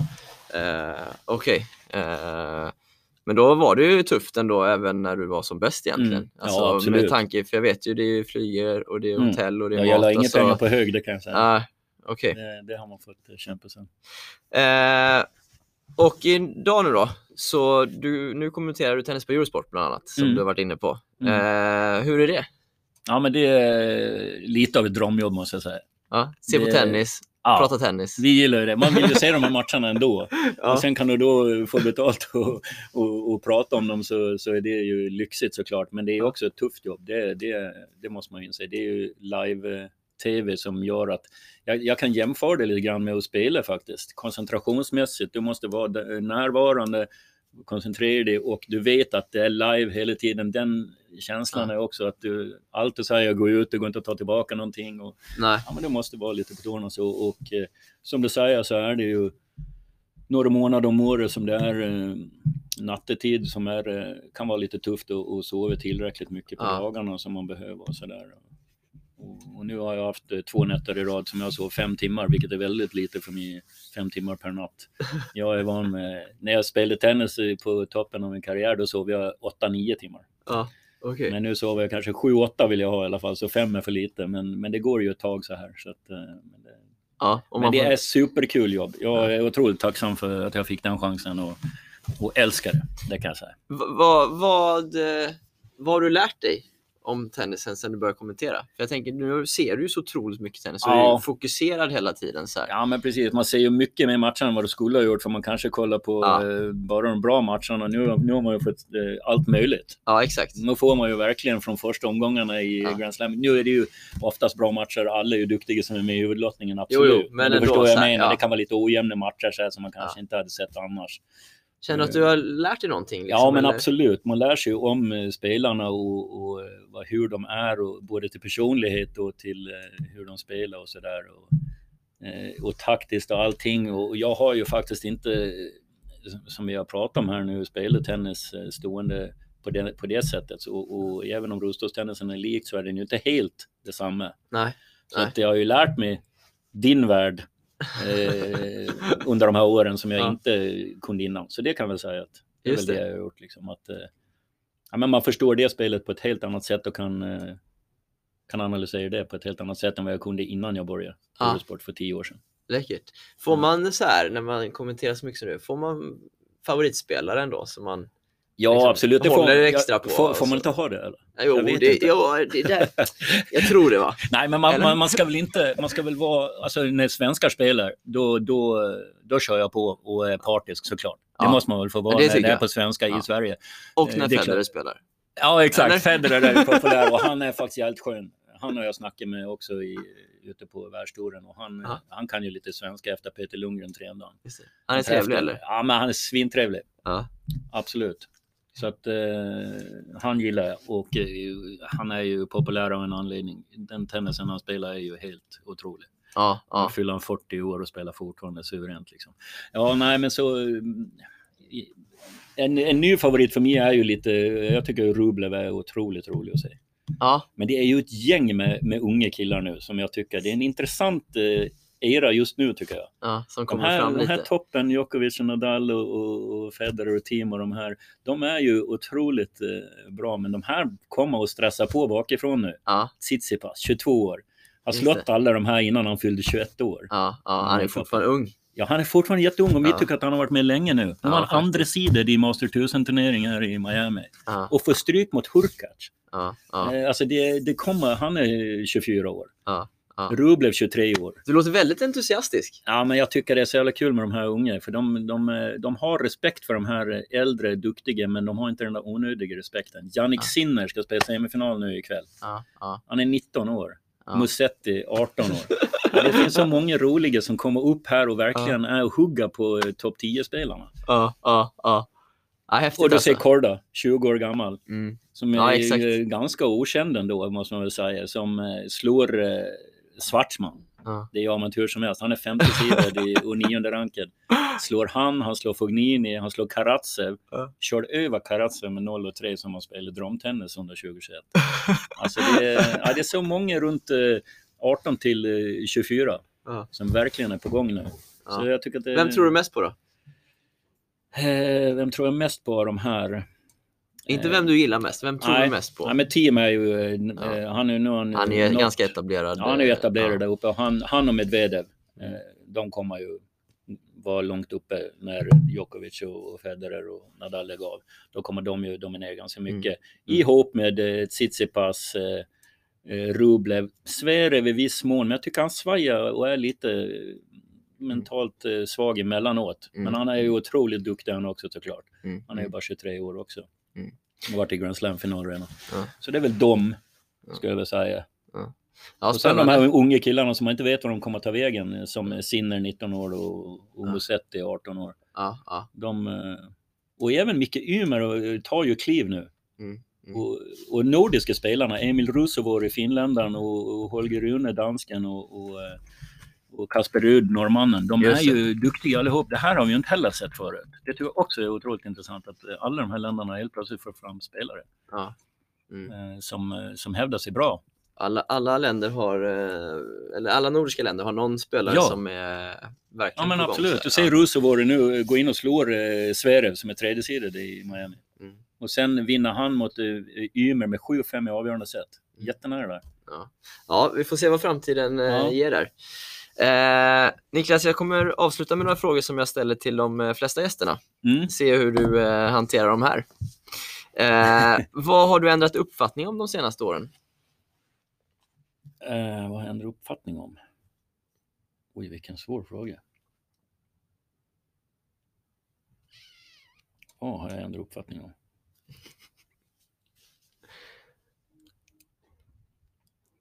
Nej, jag, det var inte så lätt. nej jag, jag skyller på att jag är lite eh, tidsomställningshjärnan här. Jag kan, jag kan faktiskt inte komma på någonting sådär exakt. Jag eh, ändrar väl lite uppfattning om allt möjligt hela tiden. Jag försöker att utveckla mig Ja. hela tiden. Eh, eh, Var lite mer intresserad av eh, politik och så här och, och vad som händer i världen. För det tycker jag har, har skenit iväg lite grann. Ja men nu, nu tyckte jag att det var jävligt skönt till exempel. Nu ska man kanske inte prata om det här men att Trump eh, blir avsatt, det tycker jag är suveränt liksom. Ja. och, och, och så här, vad som händer Ja, runt om i världen. Att, eh, ja, men att det blir tuffare. Mm. Och, och den här pandemin, det, det kan jag väl säga att det har väl eh, ändrat uppfattning vet jag inte, men jag tycker att, det, att det, det har varit otroligt mycket negativt, men det är också någonting positivt med det här. Mm. Eh, världen fick eh, upp ögonen lite mer för all miljöförstöring vi håller på med. Att det Mm. förbättras något enormt helt plötsligt när det bara stod still lite i världen. När folk Just inte reste och hit och dit och Mm. ja, sådana grejer. Mm. Mm. Eh, och att, eh, att eh, livet, eh, inte bara är att jaga och jaga karriär och så här utan Mm. att eh, man i allmänhet kanske stannar upp och, eh, och tar inte saker och ting för givet längre. Mm. Det finns, om, man, om man letar lite så finns det positiva grejer att hitta med pandemin också. Faktiskt. Ja. Ja, men du fick ihop ett svar här. Ja. Om du var eh, härskare över svensk tennis, så här, den som verkligen bestämmer, eh, vad skulle du prioritera att eh, ta tag i då? Eh, oj, det är stora frågor. Ja, det, det är, det Jag är en ganska bred fråga. Ja, jag önskar ju att alla, oavsett vad de har för personlig ekonomi, ska kunna träna så mycket tennis de eh, vill. Ja. Det, det kan jag känna att, Att det- där är det ofta så här att ja, de vill träna mer än vad de har råd med. Och Ja. vad vi kan hjälpa dem med, men det säger jag bara i rullstolstennisen liksom, och det är väl säkert likadant i vanlig tennis.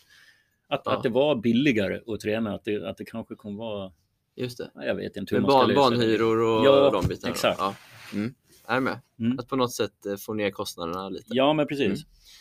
Eh, finns eh, också lite svår fråga här då. Eh, finns det något som du upplever att du tror på som du känner att andra inte riktigt håller med om? Mm.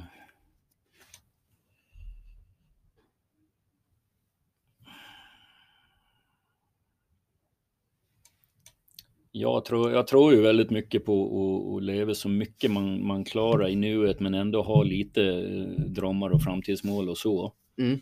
Men, eh, men så mycket som möjligt leva i nu, nuet och njuta av det för att eh, man vet aldrig eh, när livet tar stopp. eh, Givetvis med mina erfarenheter. Men det, det håller väl kanske alla med om.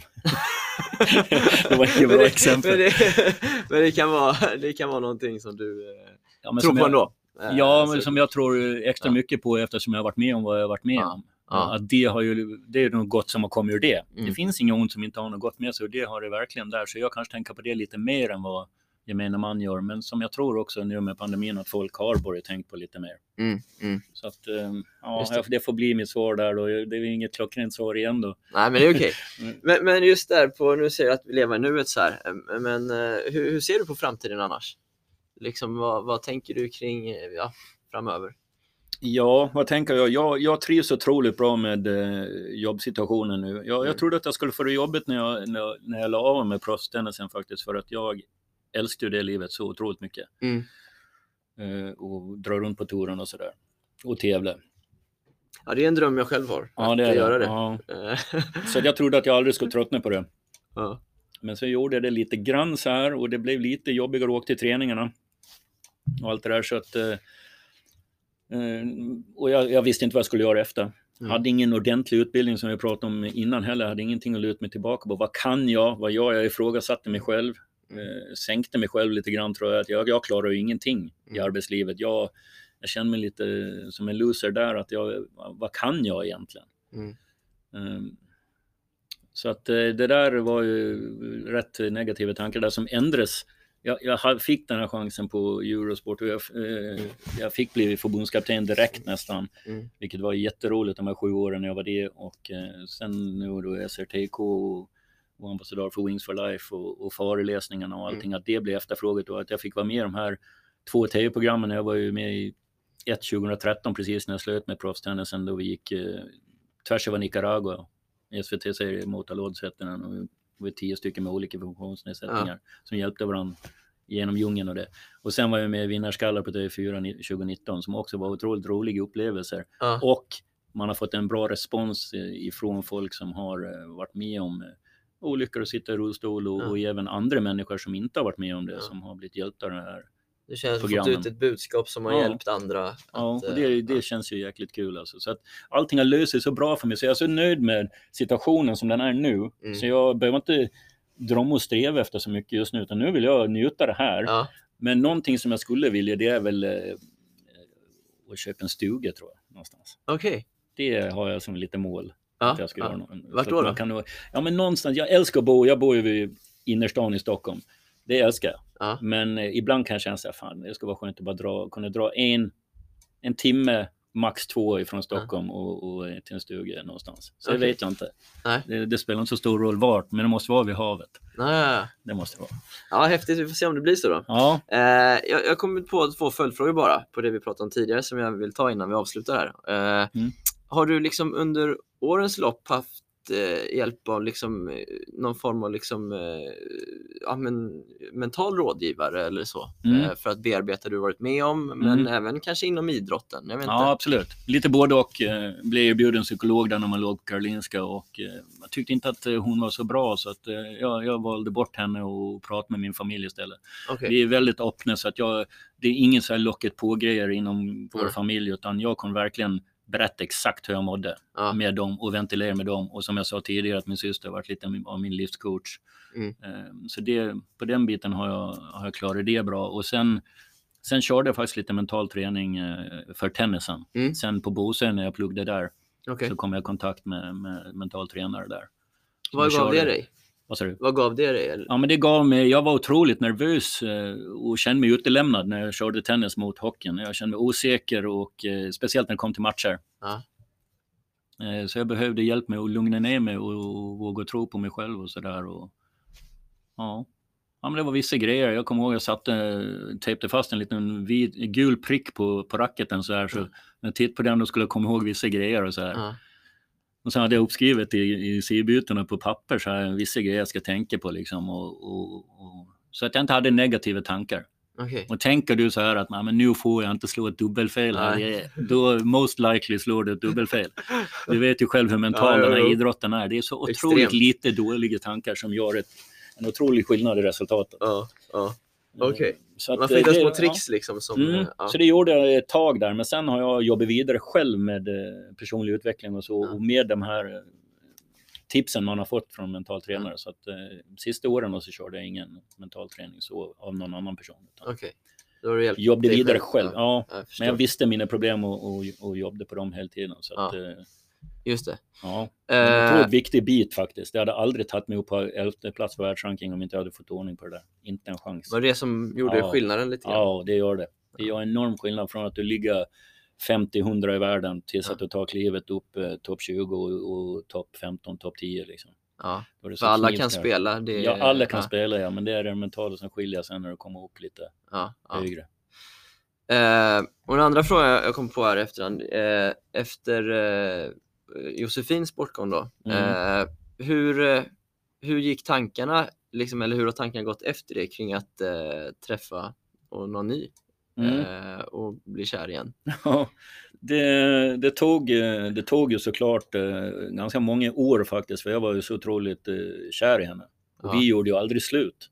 Utan hon dog Nej, det är det jag menar. Att Så det, det, det, det kändes, jag kunde inte gå på en dejt ens en gång. Jag kände mig otrogen om jag skulle gå på någon dejt eh, efter det och jag ville inte det heller. Jag var ju kär i henne så det bara kändes som att eh, de första åren efter så var det inte aktuellt överhuvudtaget. Utan det tog några år men sen, eh, sen eh, har, jag- har jag ju haft lite kortare förhållanden så här, men det har aldrig stämt riktigt eh, hundraprocentigt. Det har det inte. Jag, jag, Men har det varit på grund av Josefin? Ja, eller har det varit bara att inte, du inte träffat? ja, men bra fråga. Det är det har jag, den, där, Ja, Den okej. frågan har Ja, jag ställt mig själv x antal gånger. Så jag bara, vad är det? Är det jag som har problem med det här nu? Ja. Jag går ju inte... Alltså det, det vore lite sjukt om jag gick och tänkte på henne så lång tid efter och det, så på det sättet. Det gör jag Ja, inte. jag vet inte. Ja, jag vet inte, men... men eh, Ja. ja, jag vet inte hur jag ska förklara så det blir, låter bra det här heller, men alltså... Jag kan verkligen träffa någon ny. Ja. Det kan jag göra. Men jag har inte blivit kär heller på det Nej. sättet ordentligt. Det har jag inte. Så jag tänker att har jag ett problem, eh, kan jag inte bli kär eller är det för att jag har något, att det ligger någonting undermedvetet och jag har hållit på och ifrågasatt det här och även pratat med någon livscoach liksom om, om de här grejerna och sådär. Men eh, jag, jag, jag till? tror ändå, nej men vi har inte kommit fram till någonting, det är ju omöjligt, ingen kan ju veta riktigt. men, men, men jag, jag kom fram till och jag har bestämt mig för det här nu, det är bara att jag inte har träffat den rätte. Okej. Jag Ja, har men det bestämt mig för det, för jag känner mig redo. Ja. Jag känner mig redo, jag är inte rädd. Nej. Jag är absolut inte rädd för eh, ett förhållande. Liksom. Och jag, är inte, jag är inte rädd för kärleken, ingenting. Liksom. Jag, jag, Ja. nej, jag vägrar att tro det. Jag, tro, jag, jag tror att jag inte har träffat rätt på det. Okej. Ja, det är men inte då- det lättaste, så det är inte Nej, omöjligt det är det- att jag har rätt. Det är det verkligen inte. Eh, slutligen här, eh, skulle du vilja rekommendera någonting? Eh, vad vill jag rekommendera? Eh, ska man dra något klyschigt? Ja, vad som helst. Nej, men tänk så här att eh, man har bara ett liv, som man vet om i alla fall. Att eh, jobbar du med någonting som du inte tycker är speciellt kul. Jobb är ändå en ganska stor del av livet. Gör du det så tycker jag så här, våg att ta steget och byt jobb. Ja. Eh, Det är svårt att få jobb och man ska vara tacksam för sitt jobb, absolut. Men kolla runt lite. Du behöver inte säga upp det, men du kan kolla runt lite på sidan om med, med sånt som ni, man är intresserad av. Och sen om du man hittar det, våg att ta steget. Och kanske kan det vara att bara plugga till någonting igen. Men gör en förändring Ja. för att du, va, livet är för kort.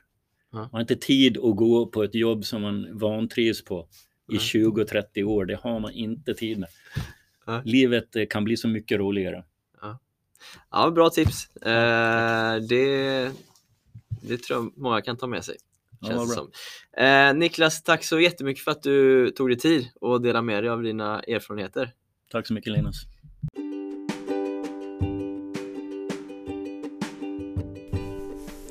Ja, nu ska jag alltså sitta här och säga någonting smart och vettigt. Eh, vilket givetvis inte går efter att ha fått höra Niklas eh, historia. Eh, jag är otroligt glad och tacksam att eh, han ville vara med och dela med sig av sin berättelse. Eh, det, jag tror det finns någonting för oss alla att lära oss utav den. Eh, hur, att, att få höra eh, en person som Niklas som varit med om så stora motgångar ta sig igenom dem och på något sätt kanske komma ut starkare eh, och se att livet har väldigt mycket att erbjuda. Det tror jag vi alla kan dra lärdom utav. Eh, jag är otroligt glad att Niklas ville vara med och, berätta eh, sin story. Eh, jag minns när jag hörde den första gången i ett annat sammanhang att jag blev otroligt tagen. Men jag tror att både för personer som, som stöter på sådana här bakslag i livet men även av, av mindre sorten så tror jag man verkligen kan lära sig att det går att ta sig igenom um, på olika sätt. Ja, eh, vi tackar Niklas så otroligt mycket att han vill vara med och eh, avslutar det här avsnittet så hörs vi igen om några dagar. Tack för idag. Det här avsnittet gjordes ihop med vår partner Tennisshoppen.se. Tennisshoppen är en anrik tennisshop i hjärtat av Göteborg som innehåller allt du kan tänka dig inom tennis och lite till. Idag drivs Tennisshoppen.se av Magnus Gusten Gustafsson och av Björn Renqvist. Ta nu tillfället i akt och utnyttja eh, rabattkoden TennisLinus i webbshopskassan så har ni 15% rabatt på ett helt köp. Så in och surfa runt på tennisshoppen.se och använd rabattkoden TennisLinus.